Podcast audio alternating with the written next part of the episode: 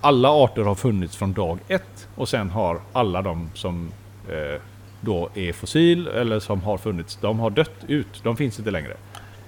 Punkt. Det är mycket, mycket lättare sätt att se på det. Ja, det är mycket ja, lättare. Det är bara så, så är det och så stänger man boken igen och så går man vidare. Så, det är klart. Ja. Gå och köper korv tycker jag. Bara lite. Bara lite tycker jag. Mm. Jesper, Hampus och Lutz. På väg att avslöja akvaristikens hemligheter. De tämjer tigerfiskar, bryter ner normer eller levererar en rak höger rätt i nitriten. En helig allians som tillsammans kallas Yuppie Rider.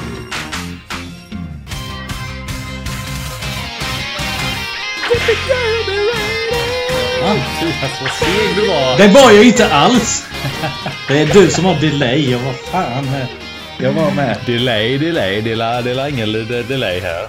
Du, det har ett sånt för, för stelnat hammare och städ i örat. Eller vad heter ja. det man har i örat? För stelnat hammare och städ i örat? kommunist... alltså. Öronvax och ljudet transporterar sig riktigt segt igenom. Hammaren och ja, i örat. Mm. Dela gött med dela med dela lej. Dela gött med dela lej, ja. Mm. Mm. Det, det är gött med galej är det i alla fall. Det är gött. Ja. Välkomna avsnitt 46, Rovfiskpodden. Tack. Eh, Rovfiskpodden. Vad sa du? Vadå Rovfiskpodden? Rovfiskforumpodden. Ja, nej, nej, nej. Och även känns som Guppy Riders ja! kanske. Shit fan, det var fan... Har du inte liksom... Oh. Vem är du? Ja, det var dåligt. Var är du? Jag har identitetskris. Ja. det, var ju inte, det var ju inte helt fel, men jag menar, vi är ju Guppy Riders. Vi är Guppy Riders. Mm. Du hörde väl introt? Ja, exakt. Jag sitter ju här och jag har ju alltid det, sätter på det när mm. det är dags för det här. Så att jag känner att jag är i mode. Han som, han som sjunger den där, han säger ju Ruppy Riders. du vet han som sjunger den, det vet du vem det är? Ja, ja, jag kanske tar och klipper bort att jag sa fel. Ja, kanske. Ja, kanske. Redigera bort det. Vi får se. Eh, det är jag och Jesper som är med er och så har vi Hampus och Lutt. Ja. Och ja. idag så har vi en, eh, en specialare. Mm -hmm. Eller hur? Mm -hmm. Mm. Ja, det, ja, det säger säkert. Ja. Vadå? Ja det är säkert. Säg, säger jag som om inte jag har suttit här i tre timmar Precis, och förberett. som om du inte har varit med i planeringen. ja. Bara sitter där och spelar ovetandet. Jag är bara gäst ja, idag. Nej. Vi har en specialare idag. Mm. Eh, vi kommer in på det lite senare. Först så vill jag bara köra en snabbis med den akvaristiska hygienen. Bara hur vi ligger till. Mm -hmm. Eh, eh, jag är ju fortfarande med i det anonyma Oscarssällskapet. Tyvärr har jag en medlem mindre. Ah. Jag tappade men den, min absolut dyraste poffe någonsin, en sån Chili Red. Den är ju inte gratis. Nej, men det, men det är väl klart. Det är ju precis som det ska vara. Det är alltid varför den dyraste ska, som ska dö. Precis, varför ska en billig fisk dö? Ja. Mm. Utan det är de dyra fiskarna som dör. Ja. Så att man blir sådär... Mm. Så blir man. Ja. Men eh, det som ändå är kul är att eh, jag har ju fått eh, eh, fått tag i lite andra roliga fiskar här utav en gemensam bekant till oss Hampus. Mm. Eh, där jag faktiskt fick eh, chansen att få några fler skitsnygga hybrider. Eh, och också några riktiga Gold Base Flowerhorn. Ja. Precis, det är ju av en, av en så kallad OG medlem på forumet. Yes. Ja. Shoutout till Kina Puff. Kina Puff ja. Han, han, är en, ja, han är en jäkel på på sådana här konstiga bastarder. Ja. Och... Eh, ja men de, det var ju tyvärr eh, de tre då. Det var ju klart. Lägger tre stycken flowerhorn. Nu är de små. Men eh, liksom eh, storlek har ingen betydelse. De pickar ihjäl den här stackars poffen och ja. checkar upp ögonen på honom. Det var bara liksom ett... Ja. Eh, en, en röd blek fläck kvar på botten. Ja, ah, det är surt. Ja, det, det, det är surt. Men, det är väl, men tyvärr så är det väl också så att när man håller på med de här typerna av cyklider så är det ju lite grann. Ja. Eh, man får tyvärr räkna med att sånt kan hända. Det blir inte alltid stolpe in. Det eh, ja, och sen så på det då så fick jag ju såklart i det här. För de här fiskarna är ju inte heller gratis. Såna mm. här flowerhorn. Eh, så jag har ju ändå tänkt så här. Okej, okay, men eh, ja, det var ju synd att eh, det var åt det hållet. Men det kändes ändå som att det är lättare att få tag i en ny Chili Red än de här tre. Så jag tänkte mm. okej, okay, ja det är en tråkig förlust men kanske ändå den förlusten som jag hade valt.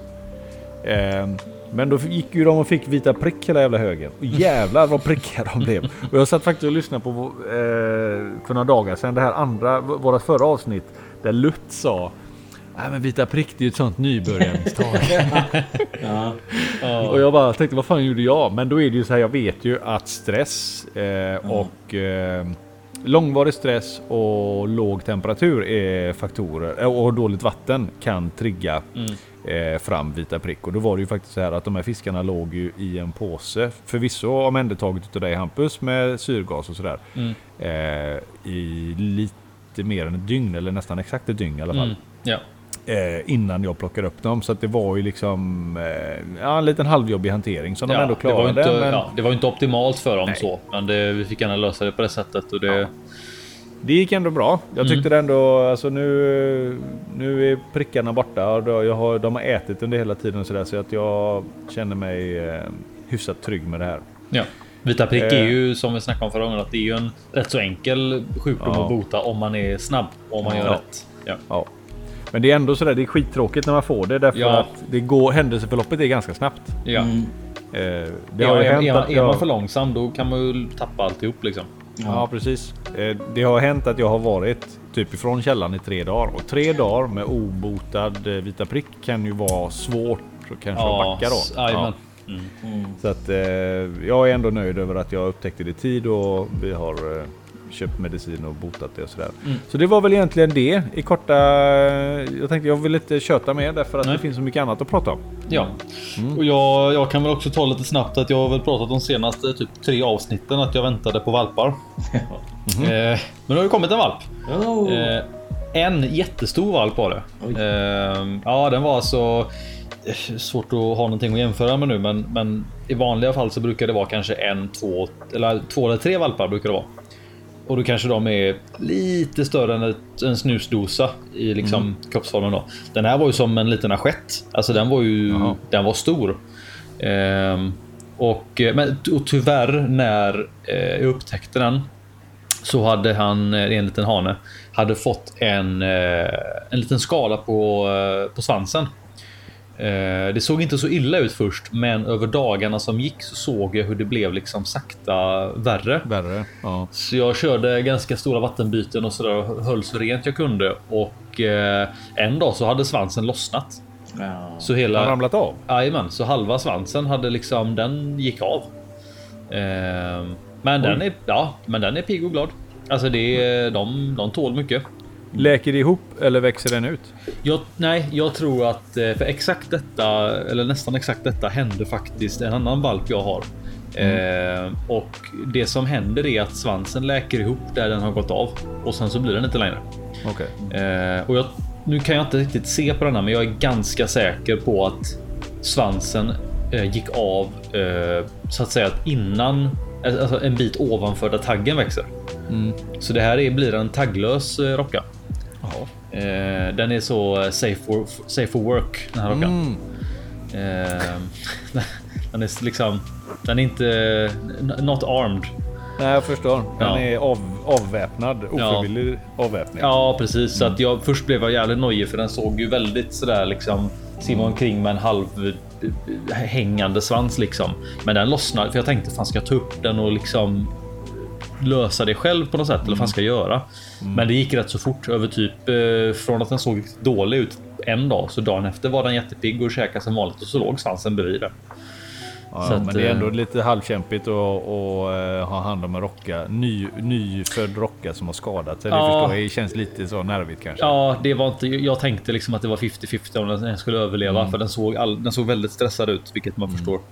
Men eh, nej, men så det gick bra, så den, den käkar faktiskt. Jag, jag har inte fått tag i levande mask, så jag körde faktiskt fryst eh, mysis, de här små små räkdjuren. Ja. Eh, och det började han käka typ dag tre. Eh, Jaha. utan att behöva traggla med levande, så det var jäkligt gött. Okej. Ehm, Så att eh, det var, ja, med tanke på det som hände så var det ändå bra. Eh, och det var väl typ, det är väl det bästa som det mest häpnadsväckande som har hänt mig. Det har inte hänt så mycket annat. Eh, jag har köpt lite fisk, sålt lite fisk i butiken då. Same old, same old. Same old, same old. Så att eh, ja, Och Lut? Ja, alltså jag har väl eh, börjat komma in i en annan fiskperiod här nu med eh, en annan som bara nörda in mig i. Och det är Barber och Danius. Mm, du har hängt för mycket med Daniel Daniel tror jag. Ja, jag tror det. Han har blivit inspirerad. Barbara. Barbara. Daniel Daniel och Barbara.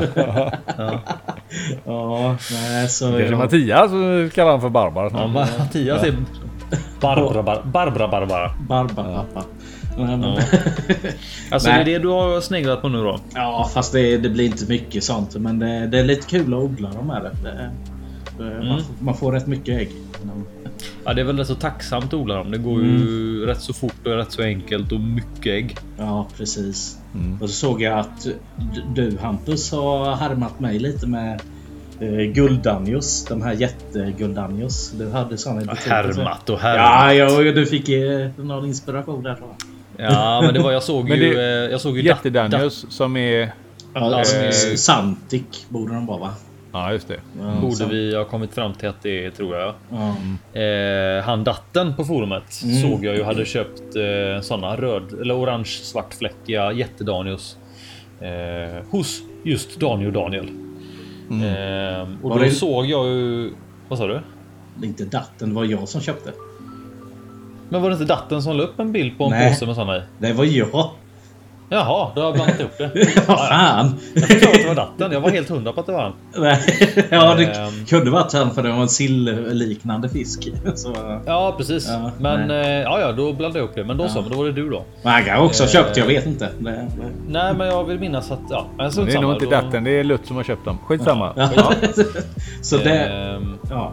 Mm. ja, de är coola de. Så det, och, Ska du odla på dem nu då, eller vad är tanken? ja, men de, är- de är ju ungefär... Ja, de är lite större än dina så de behöver Mm. nog bli lite större innan... Men jättedanius är inte jätteofta man hör folk som odlar. Nej. Är, är de lika, vet du, är de lika lätta som typ zebradanio? Ja, lite. De, men eh, de kräver ju större akvarium och de vill ha varmt vatten. Typ 27-28 grader. Så Jaha. det är tvärtom zebror nästan. Ja, det, precis. Så det är ju en, ja. Men ann- annars är det typ samma procedur liksom. Ja, procedur. De lägger väl lite större ägg dock. Men. Mm. men ja. Coolt. Ja, det blir kul. Annars, Spännande. så Det är kul att följa det sen också då. Ska du köra det i eh, lokalen? mm, Ja, men precis. Så det, så det, Ja, kul. Får Och så Centic du... med, det är ju lite ball. Det är ju lite annorlunda. Eller Gold eh, variant då. Ja, Mm. precis. precis. Så, ja. Coolt. Ja, Ja, ser det vi fram emot att spännande se. att följa på. mm, gött. Då tänker jag så här. Nu eh, rycker vi plåstret. Det är dags för specialaren. Nu, har du en jingel på det? Eh, det beror på om jag ska hinna redigera detta eller inte. om jag ska göra, fast i och för sig, alltså jag, de bästa jinglarna gör jag på åtta minuter. Det är Mm. de som bara kommer till mig som en blixt från klar himmel. Vi får se helt Eh, enkelt. Ja, Kanske blir en jingel, kanske blir jingellöst. Ja. Oavsett så ska vi prata om eh, en fisk som ibland kallas för det levande fossilet. Eh, kvastfening. Mm. Den har kanske de som ändå är intresserade av fisk eh, någon gång stött på. Eh, nu är det en fisk som återfinns i havet. Men Det är ju även av de som gillar eh, antikviteter, tänker jag. Mm, precis, om man den är ju- gillar fossil, alltså man kan ju tycka om dinosaurier så kanske man har stött på den eller om man gillar gamla tavlor. Mhm, precis. Gamla, gamla grejer Ja, egentligen. gamla saker så Ja. är detta en fisk som man kanske har hört talas om. Mm. Och då tänker jag så här, för att inte det här ska bli för jävla långdraget att eh, ni får lyssna på en och samma röst så har vi försökt att Ja men vi har eh, eh, delat upp lite saker och ting. Så jag tänker att jag ska börja och berätta lite om historiken och sen så ska eh, Lutt, eh, han ska få beskriva fisken. Och sen Ge så en ska han- målande bild. Ja. Ja, en målande bild. Ja, Mm. precis. Så att även de som aldrig har sett fisken kanske får en liten uppfattning om haha. Mhm. Och sen ska Hampus eh, göra en återkoppling till hobbyn. Det är så vi ska försöka binda ihop den här timmen idag. Typ. Och eh, då tänker jag så här. Tänk er året ni- 1938. Det är den 22 december. Ni är ute på havet på den eh, sydafrikanska östkusten. En Jag, jag, jag, jag, känner precis. Jag kan verkligen sätta mig in i det. Ja, Det luktar det kära, fotsvett, gamla skor, eh, fiskslamser och sånt. Så det är liksom, ja men det är ingen... Eh, alltså när havsbrisen kommer så är det välkommet. Mm. Så säger jag. Eh, fiskaren tittar i sitt nät och upptäcker att det här är ju någonting som jag inte känner igen. Det är någonting som ändå är stort och attraktivt för det var ju det som eh, gällde då när man fiskar. Liksom, att man ska få upp eh, som någonting som tingar mycket mat. 50 kilo, en, en och en halv meter lång. Och han förstod inte vad det var så han tog med det in till eh, hamnen och frågade sig runt. Men det var ingen som visste vad det var för någonting. Det var en helt okänd fisk. Och han lämnade in den på ett museum och de förstod heller inte riktigt vad det var. Eh, det visade sig senare att det senaste gången som man såg den här fisken, den hade då dött för 66 miljoner år sedan. Så det är en spektakulär återkomst, så kan man säga. Och då- det var alltså det senaste fossilfyndet då som... Precis. Ja. Senaste gången som man i alla fall vet dokumenterat att, en, att människan har kommit i kontakt, det är fossilet Mm. då fisken dog för 66 miljoner år sedan. Eh, den är alltså så gammal nu då, om man nu tittar eh, artmässigt sett, så är den alltså mer släkt med oss människor än vad den- vad den är med andra fiskar. Mm. Vilket är Det är mindblowing lite det grann är när man börjar tänka på det. Att man tycker att fiskar är ju fiskar liksom. Mm. Men då Fisk, är den som, alltså fisk så, som fisk. Ja, man tycker det är fisk som fisk, hund som hund. Men då är den här eh, fisken så gammal sen tidigare då. Att tittar man på släktträd, om man nu... om man, nu Om man gillar släktforskning. Darwin och evolution. Ja. Ja, nu kanske inte alla som tycker att ja, men det är rätt. Ehm, för det är också så att hela den här fisken och upptäckten kring den här fisken. Den gav upphov till en, en, en stor diskussion eh, kring evolution och kreationism. Mm, det var väl lite grann i samband där med, med Darwin och hela den biten va? Precis, för Ja. då är det ju så här att evolution då, den, det var ju eh, Charles Darwin som eh, eh, hade hand om det här. Mm. Och eh, kreationismen och evolutionen, de stod liksom lite mot varandra. Jag kommer strax eh, till det. För då är det nämligen så här då. att fisken då som vi diskuterar, den är 66 miljoner år gammal. I alla fall det som man hade hittat i fossil. Mm. Och då var det Louise, eh, nej, Louis Agassiz. Som ni känner kanske igen från Apistogramma Agassizi. Så det här är en forskare som har fått eh, andra fiskar och djur uppkallade efter sig. Han var en schweizisk amerikan. Han var ichthyolog. Schweizisk amerikan. Ja, eller en amerikansk schweizare. Jag vet inte riktigt vad han var. Han hade båda delar. Han var Ja. en hybrid. Ja.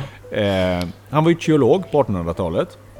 Och han har bland annat arbetat med, eh, arbeta med att eh, artbestämma och namnge megalodon. Så här är en gubbe, han har liksom tunga fiskar på sitt samvete. Varför också han kanske finns den minsta jävla cykliden efter, uppkallad efter sig. Det är lite halvroligt. Men i alla fall, 1849, då beskrev han kvastfeningen. Mm. Eh, tyvärr då så var ju detta en fisk som lämnade väldigt, den, trots att den lämnade väldigt fina fossil efter sig. Alltså man kunde se väldigt mycket fossilerna. Det är ofta så kan eh, djur som till exempel maneter eller mollusker och bläckfiskar och sånt, de har ju inga ben. Nej. när de blir till fossil så kanske man bara hittar skalet eller näbben eller någonting som är eh, hårt. Det blir ett fossil utav. Så många djur vet man knappt inte ens om de har existerat. Och vissa djur vet man väldigt lite om därför att det går inte att läsa så mycket ur. Men den här fisken då, den ger oftast väldigt fina fossil. Vilket Mm. gör att man, man, man kan väldigt lätt artbestämma dem. Ehm, men tyvärr, på den här tiden, 1849, så var ju dinosauriernas stora uppkom, uppkomst.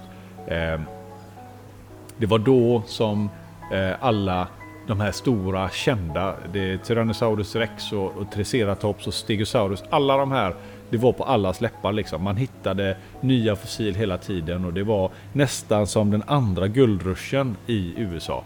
Att man kunde hitta fossiler egentligen överallt och det var samma i Storbritannien på den här tiden. Eh, det är väl de, jag tror det är vid Dover va? De Mm. här eh, klipporna där man Mm. kan gå och hitta hur mycket fossil som helst. Så det var liksom, folk sökte ju lyckan eh, på många ställen. Vilket gjorde att den här fisken då, som bara på pappret är en fisk, inte så stora häftiga tänder och stora horn. Den hamnar ju liksom i skymund- skymundan. Mm. Återigen, vi har ju kopplat tillbaka till eh, Darwin. Han skrev ju boken The Origin of Species. Det är alltså arternas uppkomst egentligen på svenska. Mm. Eh, som, har som har lagt grunden för mycket forskning. Eh, både kring biologi och framförallt här nu då etiologi. Mm. Hur eh, det här fungerar. Den boken gav eh, diskussionen då mellan evolution och kreationismen. Eh, liksom det, det var väldigt mycket eh, diskussion kring eh, är det här verkligen är det verkligen så här det är? Därför att evolutionen är ju då att en art hela tiden utvecklas lite, lite, lite, lite, lite grann där omgivningen påverkar att den starkaste eller bäst lämpade Mm. eh, överlever och för sina gener vidare. Medan kreationismen utgår ifrån att Gud har skapat allting och den har skapat alla arter. Mm. Eh, vilket innebär egentligen att det, alla arter har funnits från dag ett och sen har alla de som eh, då är fossil eller som har funnits, de har dött ut. De finns inte längre. Punkt. Det är mycket, mycket lättare sätt att se på det. Ja, det är mycket Ja. lättare. Det är bara så, så är det och så stänger man boken igen och så går man Precis. vidare. Ja, det är klart. Ja. Gå och köpa korv tycker jag. Bara lite. Bara det tycker jag. Eh, så att det, det här blev ju liksom lite diskussionsämne kring det här då, den här boken. Mm. Och vad händer då när kvastfeningen eh, kommer in i den här boken? Jo, men då har man ju liksom hittat massa olika arter. Och man får in den här kvastfeningen, de passar så fint in över allting. Och sista fisken är då 66 miljoner år sedan. Och ma, många som har läst på kanske om, om fossil och sådär vet att det var en asteroid som träffade jorden för 65 miljoner år sedan, vilket var det stora utdöendet då, liksom, där alla dinosaurierna strök med. Och det var ju efter det som däggdjuren då eh, tog över mer och mer. Och här sitter vi idag och pratar i en podd. Ungefär så. Eh, det, men det man inte får glömma var att det här var ju faktiskt fisken som också i den här evolutionen var den som tog fiskarna upp på land. Den här fisken är alltså äldre än träden. Den här fisken fanns, den, det äldsta fossilet är 410 miljoner år sedan. Mm. Som tillhör Det- kvastfeningen. Ja. Ja, det är sjukt är det. Det, det, är en, det är en fruktansvärt gammal fisk. Mm. Eh, så att, att, att den, att den liksom, om man följer nu då Darwins eh, sätt att se på detta och eh, vad forskningen har visat så är den jag ska inte säga helt oförändrad för det är den inte utan allting som lever förändras ju lite grann hela tiden Mm. då. Men eh, släktet som kvastfeningen kommer från har man liksom lyckats spåra 410 miljoner år bakåt. Ja, det, är, det är bra. Det är Det, ja, det är fruktansvärt bra jobbat. Han har ju hittat, eh, han har ju hittat en formel. Han har ju några siffror där på tipsraden som verkar funka. Han Ja, ja. har, han har helt, helt rätt grejer helt enkelt. Yes. Ja. Mm. Detta Ja, var då på 1800-talet. Mm. Åren gick och vi dyker upp här nu då i 1938 och eh, den här fisken fastnade i ett fiskenät. Eh, när den här fiskaren tog sig in till land så spred sig nyheterna om att det var en konstig fisk som någon hade hittat. Och den låg där på den här fiskmarknaden. Och, eh, då dök det upp en, eh, en kvinna som hette Marjorie Courtenay eh, Latinimer. Eh, och hon bodde i Sydafrika, i östra London. För det var ju också sådär, jag visste, jag visste inte ens att det fanns något som hette östra London, men det finns i, i eh, Sydafrika. Mhm. Eh, och hon jobbade då med typ nya arter och sådär, hon var biolog. Eh, och hon blev kontaktad utav den här fiskaren. Och hon dök upp, fisken var ju tyvärr död. Men den var ju unik, hon kände ju att det här är ju någonting som jag inte har sett innan. Det finns, någon, det finns en mystik kring den här fisken som jag känner att jag behöver liksom jobba vidare på. Eh, så hon tog faktiskt hand om fisken. Och eh, liksom började göra lite efterforskningar på den men kunde ändå inte hitta vad det var för något. Eh, hon hade en kollega i London. James Leonard... Nu ska jag se, nu butchar jag hans namn här. eh, Breeley Smith. Han jobbade, eh, var också liksom på ett museum och var forskare i London. Eh, och hon försökte så målande hon kunde beskriva fisken. Eh, och eh, skickade iväg det här brevet och tänkte att ja, undrar vad vi gör nu då. Fisken ligger ju här och liksom ruttnar men hon kände att hon hade ju ett visst ansvar av den här fisken. Att jag kan ju inte liksom, innan jag vet vad det är för någonting så kan jag inte den här den här kan ju inte bara ligga här och ruttna. Så hon försökte liksom stoppa upp den här fisken. Och eh, att stoppa upp en fisk eh, känns som att det är svårt nog och i synnerhet då på kanske 1930-1940-talet. Då kanske eh, uppstoppare inte var lika duktiga. Nej, och då hade de inte heller såna här googly eyes som man kan sätta på. Nej, precis. Framförallt inga googly eyes. Ser den, ser den inte riktigt lika bra ut? Nej, precis. Eh, oavsett då, en månad gick. Då dök hennes kollega upp. För han förstod att det här är någonting, bara med hennes ord, att det här måste jag kolla. Eh, han kommer dit och bekräftar för henne att det du har hittat är någonting helt fantastiskt. Det här är en fisk som på pappret ska ha varit utdöd. Det du beskriver beskriver precis samma fisk som vi har i våran samling. Mm. Han gjorde faktiskt så att för att eh, hylla då Marjorie så döpte han faktiskt fisk, fisken efter henne då. Så den heter Latimeria chatum, chatumnae heter den. Mm. Och eh, när detta blev känt då, och man faktiskt har namngivit detta, så blev ju forskarvärlden helt tokig. Därför att då är det en fisk som har liksom stått i skuggorna i 66 miljoner år. Man har ingen aning om att den ens har funnits. Man har trott att den har varit utdöd. Det finns någonting som heter eh, Lazarus taxon. Ja. Och det betyder att det är en art som man tror har varit utdöd men som sedan existerar av minst en eller två eh, exempel. Mm. Eh, det, det har ju hänt flera gånger att det varit djur som man har trott har varit utdöda. Eh, Och så har de dykt upp igen då. så har den dykt upp igen. Man har klassat den som utdöd och sen helt plötsligt så är det någon som ser den på en, en eh, övervakningsfilm eller någon som tar ett fotografi. Mm. Så det har ju hänt fler än en gång. Men det som är speciellt här är att det är inte 100 år och det är inte 200 år. Utan det är 66 miljoner år. Jag Ja, bara, måste bara säga det ett par gånger. Att det är en fantastiskt lång tid. Ja,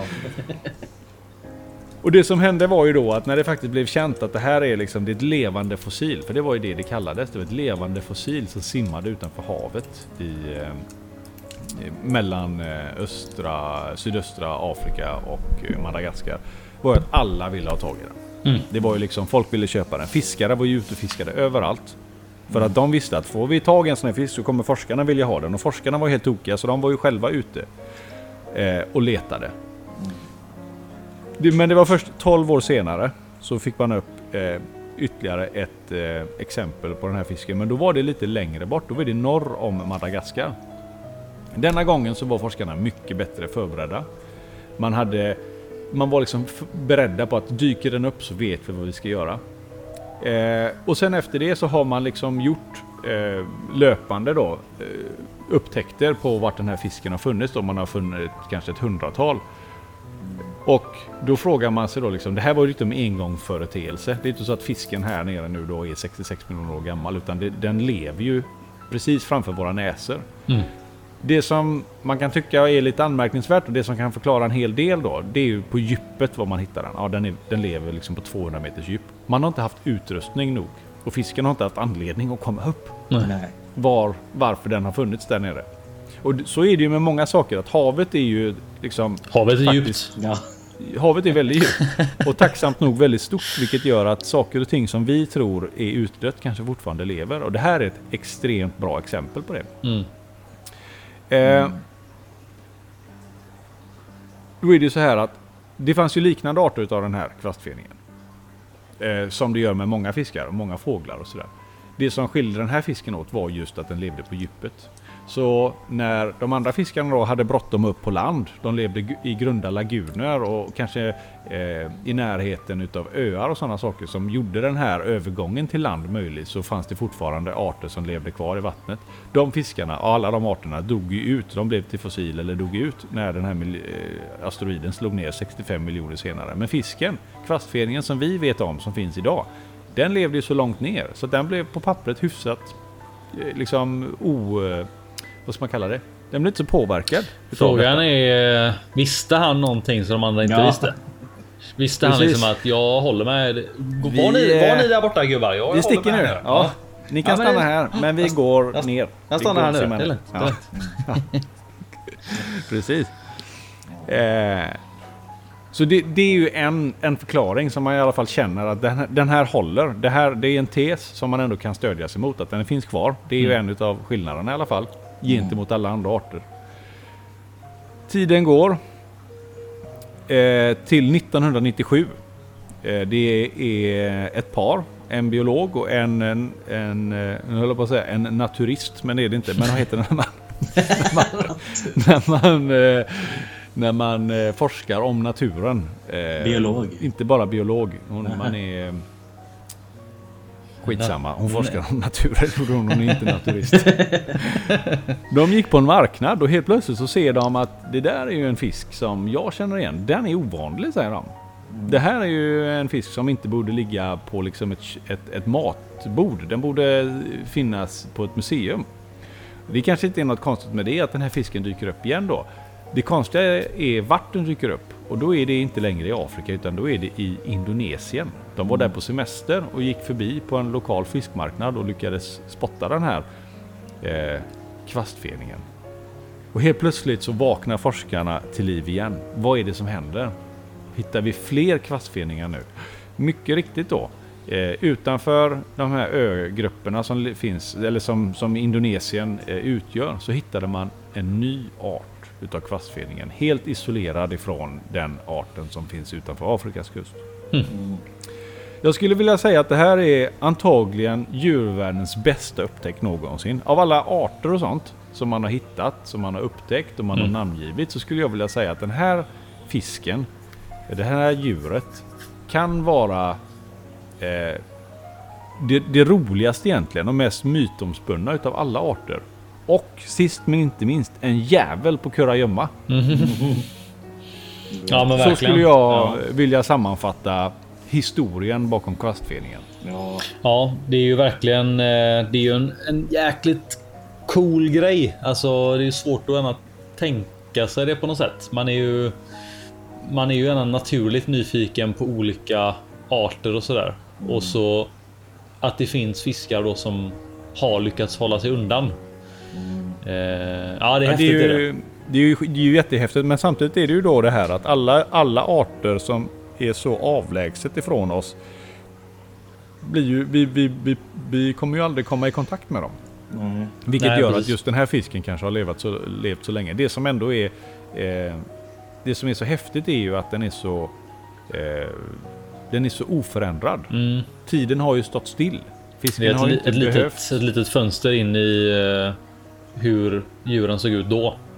Precis, det är ju Mm. verkligen en blick i hur det var för 66 miljoner år sedan. Kanske inte exakt, men väldigt mycket. Och jag tänker på det, att liksom det här lilla fönstret som vi pratar om.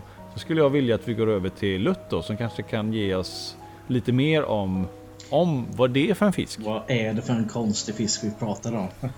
Ja, Ja, nej men alltså den ser ju väldigt märklig ut. Alltså den ser inte ut som alla andra fiskar, alltså stereotypiskt. Ehm, Den har ju liksom många fenor. Alltså, och vad vi kom fram till, åtta, åtta stycken olika fenor på kroppen. Mm. den har ju, Ja. den har ju två bröstfenor och två bukfenor. Ja, Och det är väl egentligen samma typ av fenor som senare utvecklades till armar och ben. ja det, det är, de kallas ju för lobfenor. Och det är ju Mm. Det är samma typ skelettuppbyggnad som vi har i våra händer och fötter kan man ju säga. Ja, just det. Ja, man hittar precis. Man, man, man hittar väl typ samma, ja, som du säger, samma ben eh, hos liksom reptiler, kräldjur och ja, Ja, alla andra, alla andra djur liksom. Mm. Jo precis och de här eh, De kan ju hålla på och vinkla de här fenorna Som är lite coolt. Det är väl som att de får navigera i vattnet. Liksom. Mm. Så, Så de kan styra dem liksom individuellt. Ja jo men precis. Lite som en kameleont Ja. tittar åt alla möjliga håll Ja. samtidigt. Så är det som en eh, Vad heter det? Som ett eh, se, segel eh, Mm. fartyg eller något sådär. Under vatten. Mm. Eh, den blir ju alltså mellan en och en halv två meter så det är en ganska stor fisk. Det är en väldigt också- stor fisk. Det är ju också, rätt, det är också rätt så fascinerande. Ja, man att det- tycker liksom så här, ja men ett så stort djur Ja, går under radarn liksom. ja precis. Ja, det, det är ju lite som det här som i förra, förra avsnittet när vi pratade om de här några nya arter som upptäcktes. De här småfiskarna som var som en tumnagel. Den kan man förstå att den håller sig undan. Ja. Men en fisk som är en och en halv, två meter lång. Det är så här, liksom, den, man tycker man borde ha hittat den. Man Mm. borde ha upptäckt den liksom. Den är inte Ja, men det är inte så att du, man snubblar och bara ah, Nej. ah, och så går man vidare. Ja, och jag menar den är inte smal heller. Den väger ju nästan 90-100 kilo så det är ju, den är även bastant. Ja, det hade ju varit Mm. värre om det varit en smal smal ål eller något sånt där. Då hade det varit Ja, lite precis. svårare.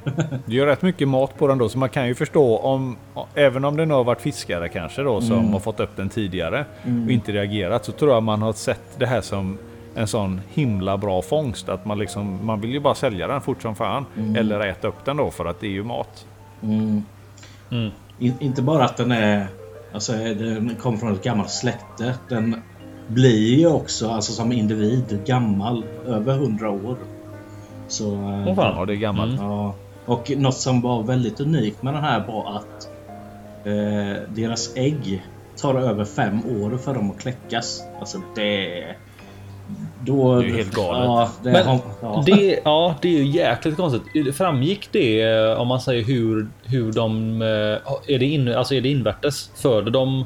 Lägger de ägg? Jag tror inte de har alltså, sett hur det går till. Alltså, när de... Nej, det är klart. Det kanske är... eh, Jaha, så man vet inte riktigt än om hur själva proceduren går till. Men du, Nej. du menar äggen mognar i honan i upp till fem år?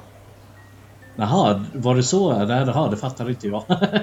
Men jag, tror, jag, tror att det är så, jag tror att det är så det går till. Så det. Ja, ja, ja. Eh, Jag trodde de för la ut dem och sen väntat fem år.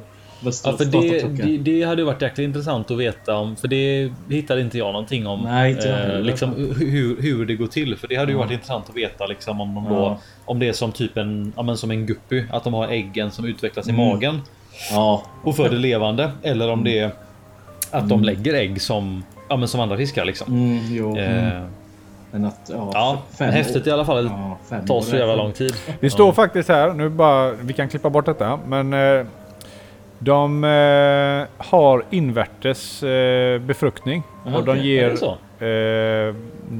Det they give birth to relative well developed live young. Ja, då fick vi ett svar på det. De Ja. direkt... Det, det, behöver inte, det behöver vi inte klippa bort. Nej. Du gjorde en snabb googling bara mitt i podden Ja. så. Tjopp, Mitt tjopp, i podden. En dräktighet på fem år, det är, det är långt. Ja, Det är jättelång tid. Jag, jag, vet inga, jag vet att elefanter kan ju gå, Ja. de går ju väldigt länge. De går alla typ så här 20-30 Månader, månader, någonting. Ja. Ja. Eh, Men här snackar vi ändå fem år. Ja shit alltså. Det är... Snacka den mammapengen. Det är ju, Nej, Jag är höggravid men det är tre år kvar. Nej, men... ja, precis. Ja, ja, det är väldigt länge. Ja. Det är... Sådär. Men Ja, det är tur inte Guppus håller på så. ja, fan, det, man blir inte rik på den fisken om man skulle odla. Nej. Nej, snack. Det är väldigt långsiktig investering om Ja. man ska eh, odla på dem. Ja, vi håller på att odla fram en sån Blue Moscow Sealer här nu. Mm. Ja. Du får ju, du får ju föra det arvet vidare så får dina barnbarn ta över det sen. Ja. Sådär. Eh, saken är ju den här, eh, det är ju två arter då, men de ser ju i stort sett identiska ut. Men eh, vad jag vill säga med det är att den arten är ju inte riktigt från... Eh, alltså trädet är ju 66 miljoner år eller längre. Mm. Men eh, den här är ju mycket yngre men den har ju typ inte utvecklats sådär jättemycket. Den har till exempel den har bildat en ryggfena och sen eh, Mm. har den bytt ut lungor mot gälar. Så det, det, det är inte mycket som... eh, Jag menar, don't break it. alltså, det, det funkar liksom. Ha, har inte de... eh, Så den kastvenen som lever idag har inte den här prim... Eller har, de har inga lunga alls? Eller? Nej, de har bildat gälar istället. Ja, okej. Så det, okej. det, Så den har, den har gått tillbaka till att utveckla gälar. Ja, precis. För vad vad har läst mig till att eh, den har ju som en lunga men den är inte som fungerande längre. Alltså, Ah, okej. Mm, så Nej, det- precis. och jag menar Men 200... man ser ändå spår efter att den har haft det då. Ja, menar, men ändå. Om man lever på 200 meter upp och åker upp och andas hela tiden. Det är jobbigt. Man kommer ner bara... "Aj." Och så är det någon som knuffar till på. "Aj, Jag tappar luften. Jag får gå upp. ja. Och sen har Det ju är ett hårt liv. den här fisken, eh, kvastfening, har ju som eh, många av våra akvariefiskar sådana här gan- ganoidfjäll. Som... Eh, vilka är ja, Det vet väl du mer Hampus vilka som... Mm. Eh, Jag har, jag har en Ja. liten lista på det. Ja, Eh, ska vi övergå till det tycker du? Eller har ja du, men har eh, du jag, jag tycker att du kan gå över till det. Mm. Jag, Snygg. jag tänkte bara snabbt, Snygg övergång. eh, innan vi går över. Jag, nu Jaha, sabbar jag hela ja. Ja. Jag tänkte bara höra så här. Vad, den lever på 200 meters djup. Ja. Vad, vad, eh, vad äter den? Är den ett rovdjur? Den är ett rovdjur ja. Den har tänder. Ja. Okej, äter, då äter den andra fiskar och kanske kräftdjur och sånt. För jag tänker att man tittar på den, om man tittar på bilderna på den nu då, så ser man ju att den har ett ganska kraftigt, en kra, kraftig skalle liksom. Mhm. Ja, det är mö- möjligt. Alltså, jag har inte gått in på ant, deras diet. antagligen, så, antagligen så skallar den sina Ja, motståndare, precis. Sina offer. Da, dansk skalle där. ja, jo, men han kan nog Eh, äta. Men den ser ju inte ut, den ser inte ut att vara något liksom, även om den har en stor fena så ser den ändå, en, en stjärtfena, så ser den inte ut att vara någon liksom snabbsimmare på något Nej, det är sant. Det är sant. vis. Eh, Men det var väl om jag minns rätt. Jag tror jag snappade upp att de är nattaktiva. Ja, Vilket, vilket i och för sig som jag tyckte var lite lustigt så här. Nattaktiv på hur 200 jävla meters ljust är det på 200 Ja. meter? Hur ska det- kunna känna av det? Ja, nu går solen upp här. Nu är det ljust och fint där nere på 200 meters djup. Nere i min vulkangrotta. Ja. Jag menar det är ju som att leva i Norrland på vintern liksom. Man vet inte om det är Ja. dag eller... Ja men det är ju bara mörkt. Ja. Däremot skulle jag kunna tänka mig som många andra djur kanske känner av månen. Mm. Alltså dragningskraftet. För det är ju ja. många djur som Ja, jo. navigerar med månen och sådär. De känner ju garanterat av sådana Ja. grejer. Så det är säkert tryckförändringar och sånt som spelar roll där. Men, Ja. ehm, ja, Jo. nej, men så de är säkert, om de är då nattaktiva så, eh, så kan det ju vara så att då är de ju antagligen ute och ehm, plockar fisk som kanske då vid den tiden eh, är i vilande läge. Typ, Mm, precis. Ja. kan jag tänka mig. Jo. Ja, Okej. Ja, vad- vad- vad var vi? Det var inte Eh, meningen att butcha. Jo, vi snackar om Ganoidfjällen. Ja, så var vi. Ja. Ja. Och eh, precis som du säger så är det ju så att de är ju... Eh, det här med ganoidfjäll är ju lite intressant för det finns ju ett litet antal fiskar eh, som vi känner till idag som är levande idag. Eh, som har ganoidfjäll och eh, till att börja med då själva ganoidfjällen. Det är ju om jag minns rätt nu så finns det fyra eller fem olika typer av eh, fiskfjäll som olika fiskar liksom har då eh, utvecklat. Ehm, varav, jag kommer inte ihåg vad de heter nu, men de vanliga så att säga, de vanligaste fiskarna vi känner till. Majoriteten av dem har liksom samma typ av fjäll. Ehm, men ganoidfjällen då, de är Tänk er det som en, en romb eller formen av liksom en, eh, eh, en, en fyrkant på sidan så att säga. Eh, den formen har fjällen och de är uppbyggda på ett sätt och av ett material som gör att det är extremt eh, tåligt. Påminner väl om våra naglar lite grann va? Ja, materialet om jag minns rätt, precis som du säger, är liksom uppbyggt typ om man går ner på liksom molekylnivå. Mol- Så är det som en nagel liksom, så det är väldigt, väldigt hårt. Och sen så byggs det, när det byggs upp och så byggs det omlott på ett sätt så att det låser ihop varandra. Så eh, till exempel då, jag minns att jag läste någonstans då när någon skulle obducera en, en typ en fengädda. Eh, det gick inte ens att skära genom fjällen med, med kniv, utan du var liksom tvungen att ta en, en tång och liksom knipsa upp fisken för att det är så väl uppbyggt fjällen är då.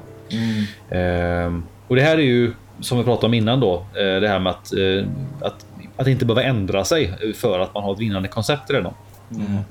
Där är ju ganoidfjällen en bra grej då. Eh, så förutom kvastfeningen så är det några av fiskarna som vi känner till som har det. Det är då eh, fengäddor, alltså Polypterus. Och så har vi bengäddor, eller det man kallar för gars då på engelska. Eh, och så har vi eh, störar har det. Ehm, och även eh, bowfin, alltså eh, Amia calva heter den. Eh, så det är de fyra liksom, olika typerna av fiskar som har det och det är ju inte jättemånga egentligen. Eh, men det som gärna knyter ihop alla de här fiskarna och även knyter ihop då eh, kvastfeningen, det är att de är ju alla väldigt primitiva. Eh, så om vi backar tillbaka lite grann då till det här när vi snackade om i början eller förut i alla fall.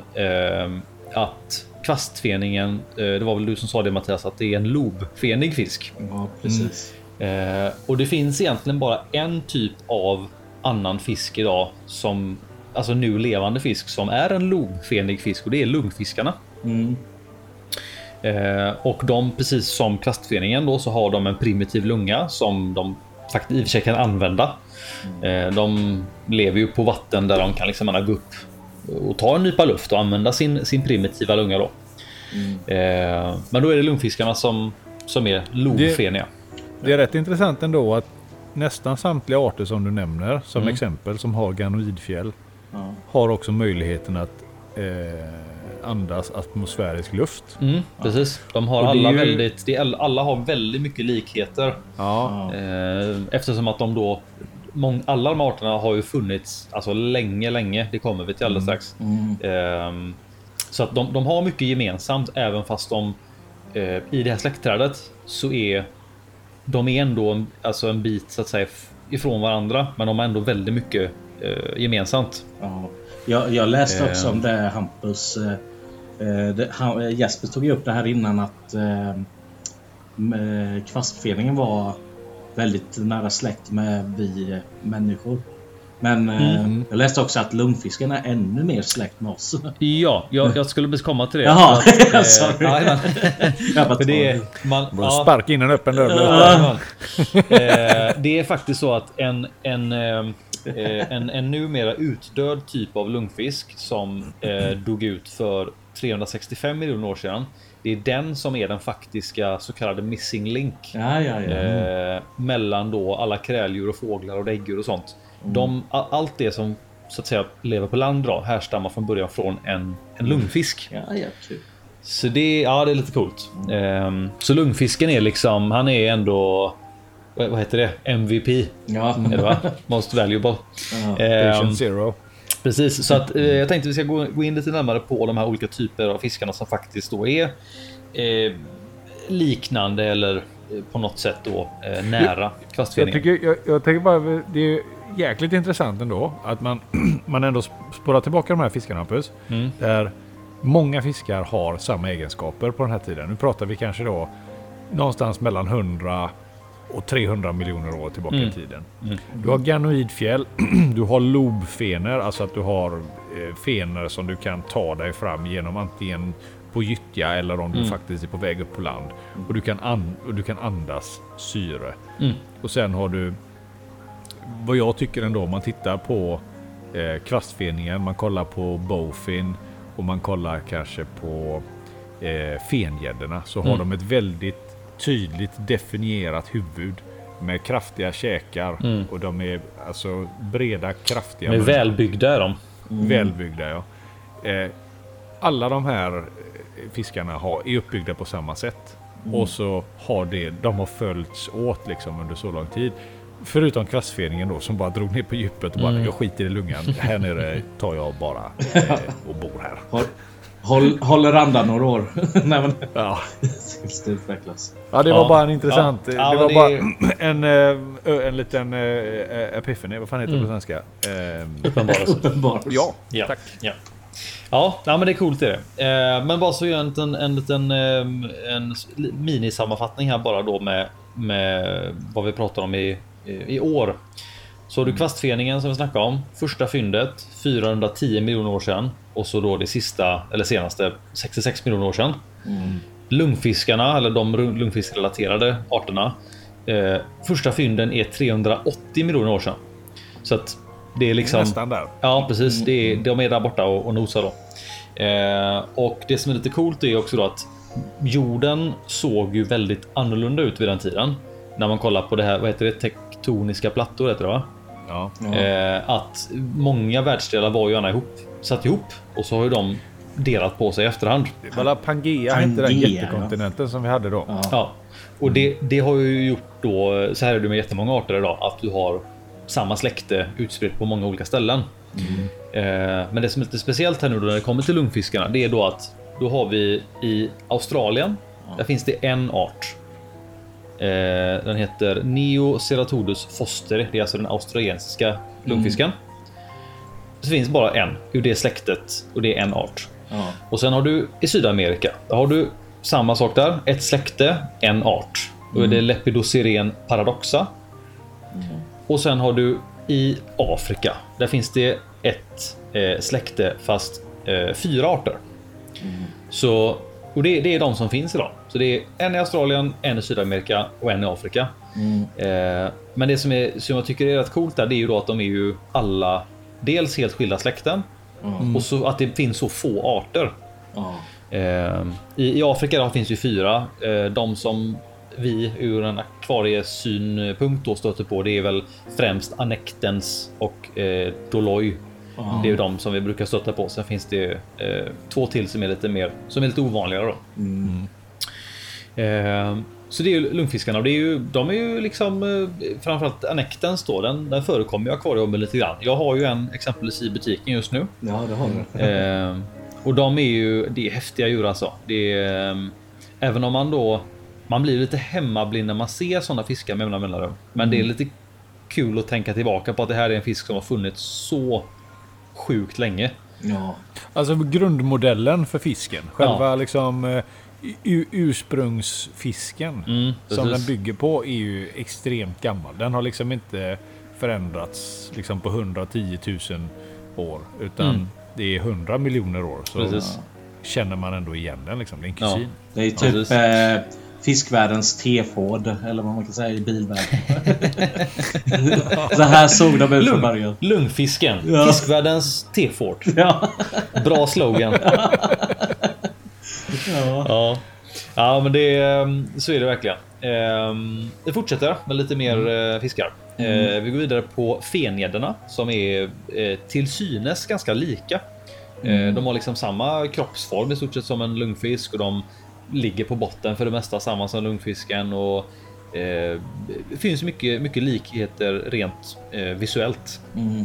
Eh, men det är antagligen för att de, de har gärna härmat varandra lite grann. De har liksom mm. använt samma, ja. tyckt att fan det var en schysst grej, så ska jag också göra. Ja. Eh, men det som var lite intressant med fenederna var när jag läste lite om det som inte jag, som inte jag själv visste var att först när man upptäckte fenederna och började upptäcka eh, fossilfynd så trodde man att de var mycket, mycket äldre. Man trodde att de var i stort sett lika gamla som eh, som lungfiskarna. Mm. Mm. Men de senaste fynden tyder på att eh, det är närmare, alltså runt 90 miljoner år sedan. Så att den är ju liksom.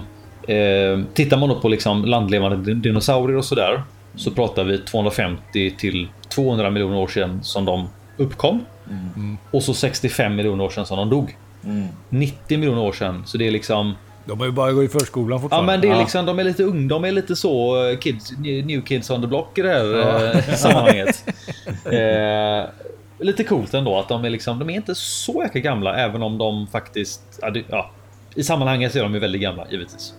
Eh, samma sak där då. Då har ju de de här ganoidfjällen och de är väldigt robusta och de kan andas luft för de har en primitiv lunga och allt det här.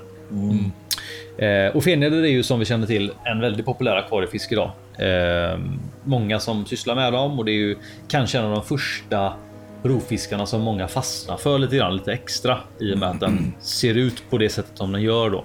Den är ju lätt att identifiera mm. och lätt, lätt att tycka om och den är ju väldigt, eh, vad ska man kalla det?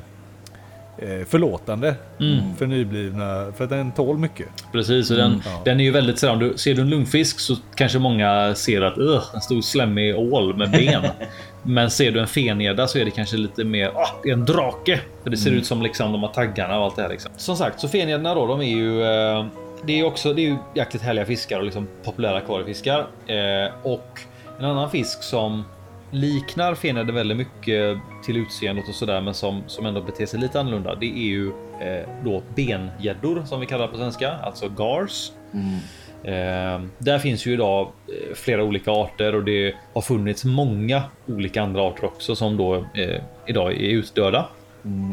Eh, men när det kommer till garsen då så har vi första fossilfyndet som man vet, eller det, det äldsta då. Det är 240 miljoner år sedan och sen Eh, de lite mer då senare eller mer så att säga som liknar de eh, inom citationstecken moderna benederna är 157 miljoner år sedan.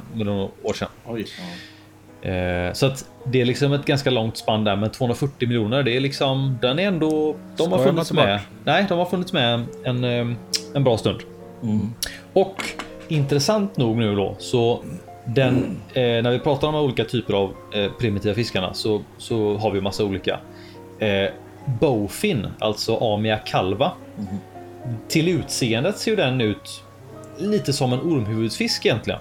Alltså Ja. i, kroppsform och fen och sådär. Men den är närmast besläktad med Gars. Jaha. Jaha. Ja, så tittar man liksom i, i det här familjeträdet då så härstammar liksom eh, Gars då, eller bengäddor och eh, eh, Bowfin. De härstammar från samma, jag kommer inte ihåg vad, det- vad det heter nu, men liksom Träd. deras, ja, men deras förfäder så att säga. Ja. Så de är nära varandra, vilket är lite märkligt för till utseendet så är ju inte de. Alltså man hade De är inte trott. så jättelika. Nej. Nej, de är inte så lika. Ehm, och, och Bowfins då även där eh, närbesläktade eller liknande arter till den som lever idag. Eh, uppkom för ungefär 180 miljoner år sedan. Ja, ja. Ehm, och Bowfin, samma sak som med vissa lungfiskar. Det finns bara ett släkte och en art. Nej, två Nej, arter. det finns... Svårt Eh, det finns två idag. arter, Min- minst det var två. ganska För nyligen. bara något år sedan så Ja. blev det ju två arter. Precis, det var ganska nyligen man upptäckte det, men, men ändå då. De är väldigt lika varandra och det är liksom bara ett släkte och så bara de två arterna och så finns det inga mer sen. Ja, kanske, Ehm. kanske. Björn... Jag pratade med Björn, han tror att det är fler arter. Men... Har han varit ute och hittat nya arter? Ja, han och Heiko blev... Satans björn! Den jäveln! Kan han för fan spela, få klart spela in avsnittet innan han Ja, nu kom det en ny. Där var han nu. Jag såg det i Michigan. Den. ja, men det, och, och, Allt eftersom eh, förståelsen för fiskarna Ja. blir större så kan man ju till slut sätta dem i olika fack. Om vi bara tar ehm, den här stora arapaiman som Ja. För bara några år sedan så var det väl bara en art men nu är det väl fem eller sex i Ja, alla fall. Ja. Även där, jätteprimitiv fisk. Undrar om inte den också har ganoidfjäll? Eh, men det är ju Nej, det har den inte. Nej, det har den inte alls. Kanske inte den, har. Nej, den har... eh, För den, den, Arapaiman och arovaner och det, de tillhör ju det är ju... lite grann... De är lite yngre. Ja. De är bara, bara barn. Bara barnet. Och kanske inte heller fiskar vi ska nämna som akvariefiskar heller. ja, Ja, inte. Arapaiman kanske men- inte, men...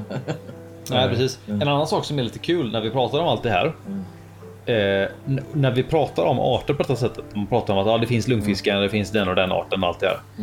Allt det här är ju lite grann precis det som... Eh, fan, hur fan ska jag förklara det här? eh, hela grejen med kastfeningen. Det är ju att man har hittat fossiler och pratar om arten som att den inte längre finns. Och så sitter vi och pratar om fiskar här som att ah, det finns bara en sort. Det finns bara en art. Vad vi vet.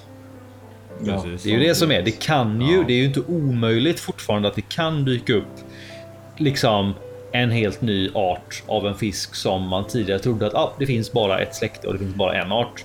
Har det hänt en gång kan det hända igen. Det är ju så. Sen är väl sannolikheten då något mindre när vi pratar om floder och sjöar kontra eh, djupt hav. Visserligen, eh, men ändå. Det är lite intressant att tänka att liksom allt det vi pratar om olika arter och allt eftersom de bestäms så är det ändå bara vad vi vet hittills. Eh, kommer ju nya grejer hela tiden liksom. Ja. Ehm, och eh, ja, sammanfattningsvis så är det väl så att eh, varför ska man fixa något som inte är trasigt? Alltså funkar det så uppenbarligen så kan vi kan någon se ut så. Ja. Det finns ju en Ehm, anledning till att fiskarna mer eller mindre har sett oförändrade ut i hundratals miljoner år. Precis. De har ju något... Eh, de har ju något... Eh, de har hittat något. Ett vinnande koncept helt enkelt. Ja. Eh, Sen, sen vet jag... En, en annan. Ja. Ja. Eh, Jag bara Nej, sorry. tänkte flika in på, eh, vad heter de? Garsen. Jag vet inte om det är Mm. allmänt känt, men... Eller om det bara var något så här Youtube-klipp som de snackar skit i. Men eh, då sa de att deras ägg är giftiga. Det, ja, men det har jag Det läst. kan nog stämma. Ja. Ja, Mm, det, det var, det var Det, är också ett smart, det är märkligt. också en smart grej. Ja, precis. Släppa, släppa, släppa ut små giftbomber liksom. Ä, Ja. Ät dem om du törs. Ja, precis. Nej, Ja. tänkte la det.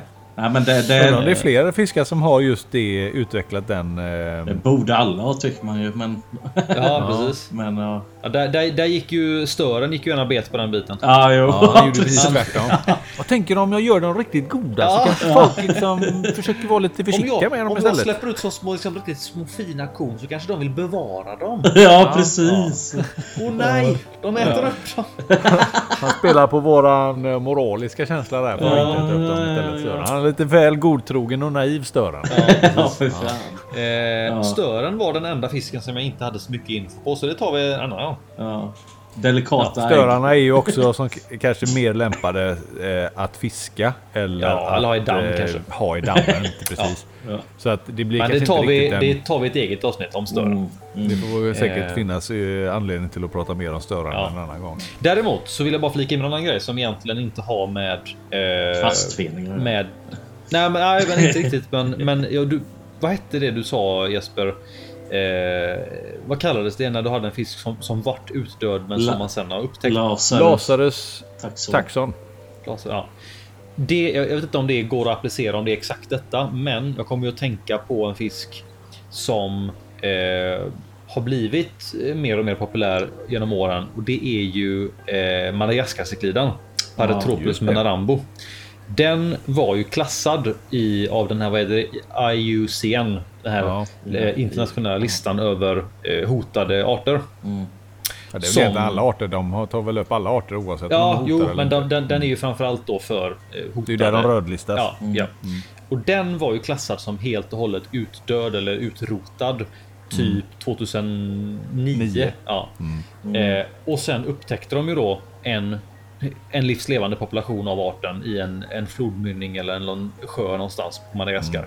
Och så har man då eh, tagit upp dem, odlat dem och liksom åter eh, introducerat arten igen. Då. Ja.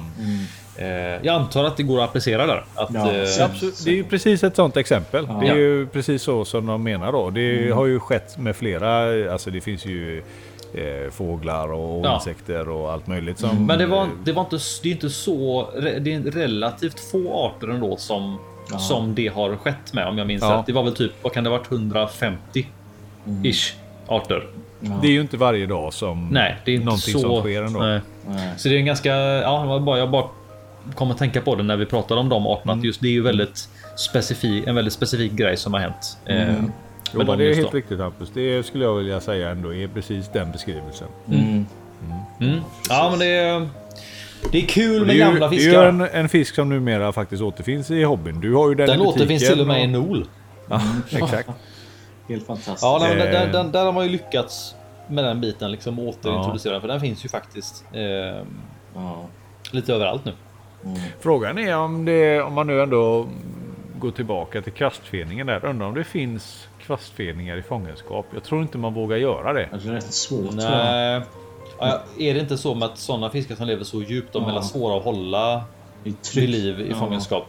Tryck, Ja, det är så nog svårt att hålla dem vid liv. Ja, I sådana här trycktankar eller något. Jag vet inte. Ja. För jag vet, är det inte från Tosa eh, som man plockar upp från eh, Mm. ganska stora djup? Den får man, de får man fånga och sen ha dem i korgar och successivt eh, Ja. ta dem upp till ytan va? Jajamän, de får man anna, de, får- de får tryckutjämna ett par gånger innan de kommer upp. Ja, och jag är säkert... De har säkert försökt få upp kvastfeningar men det måste ju säkert ha med det att göra att de klarar inte av och... Jag menar har du levt... Om de nu då levde för 66 miljoner år sedan på 200 meters djup. Om det var en av de stora anledningarna till att de överlevde. Då är det jävligt jobbigt att ta sig upp till Ja. ytan på typ ett par dygn. Ja. Precis. Oavsett hur mycket, hur mycket, hur mycket liksom tid man ges. Så Ja. då kanske de behöver ytterligare 66 miljoner år Ja, innan de orkar. det, ja, ja, ja, precis. Det är antagligen är det så. Ja. Mm.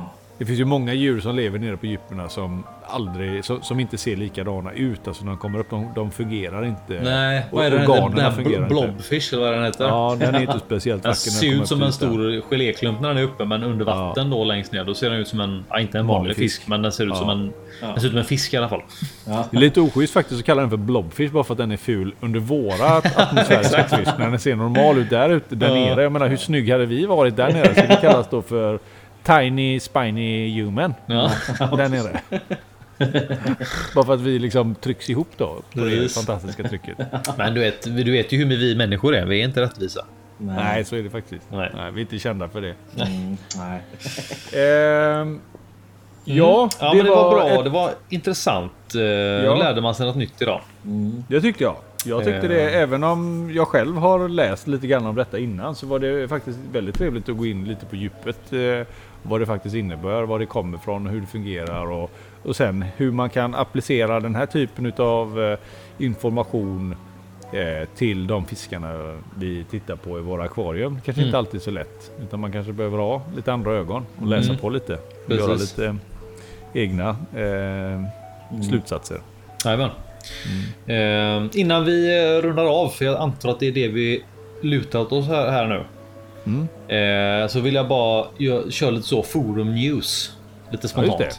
Ehm, det senaste, det senaste som har hänt. ehm, du, eller vi, men främst du har publicerat en ny guide på forumet Ja, just det. om eh, arovanan. Ja. Eh, det här är ju en guide som den går väl igenom grunderna lite grann till olika arter och sådär. Ja, den, går, den skrapar väl lite på ytan Ja. för hur det är att hålla en arovana. Kanske Mm. inte precis exakt allting eh, eh, hur eh, fisken är och sådär. Utan den, det, den upplevelsen eh, sparar man ju till sig Mm. själv. Eh, men kanske lite vad man kan förvänta sig och vad man behöver göra och vad man behöver tänka på för Mm. att eh, kunna hålla en arovana och få ut det mesta möjliga av den. Precis, och den är väl i, från början så är den skriven av Captain Migraine. Precis. Alltså Jonathan, den gamle gamängen.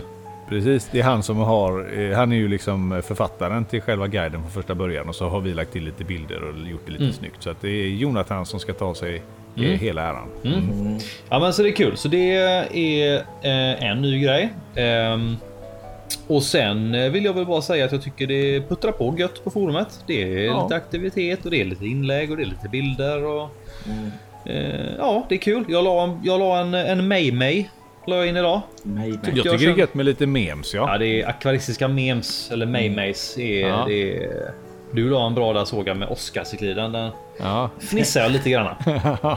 det är, nu nu eh, brukar det ju vara så att Ja. det är Oscarcykliden som eh, eh, är den eh, buffliga rackaren. Men Mm. nu så eh, sitter jag ju och tittar på när mina Flowerhorns äter upp min eh, Oscarcyklid där. Så att det How är, the tables have How the turned. table turns, så är det ju.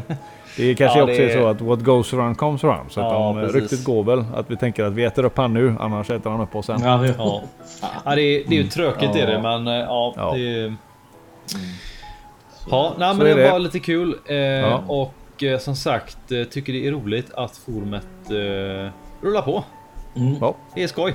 Yeah. det är faktiskt roligt. Jag Mm. tycker det är eh, någonting som har varit eh, väldigt frekvent tycker jag. Att det är väldigt många olika som har eh, lite så här halvt om halvt lyckade och ser lite eh, eller ly- lyckade odlingar och sånt. Det är väldigt många Mm. som har fått eh, yngel.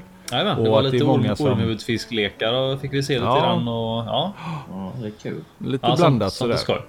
Mm. Eh, en annan grej som jag tänkte på innan vi eh, rundar av är ju att vi har klurat lite grann på eventuellt köra någon form av jul eh, special live grej liksom. Ja. Vi har väl inte riktigt landat i vad det blir än.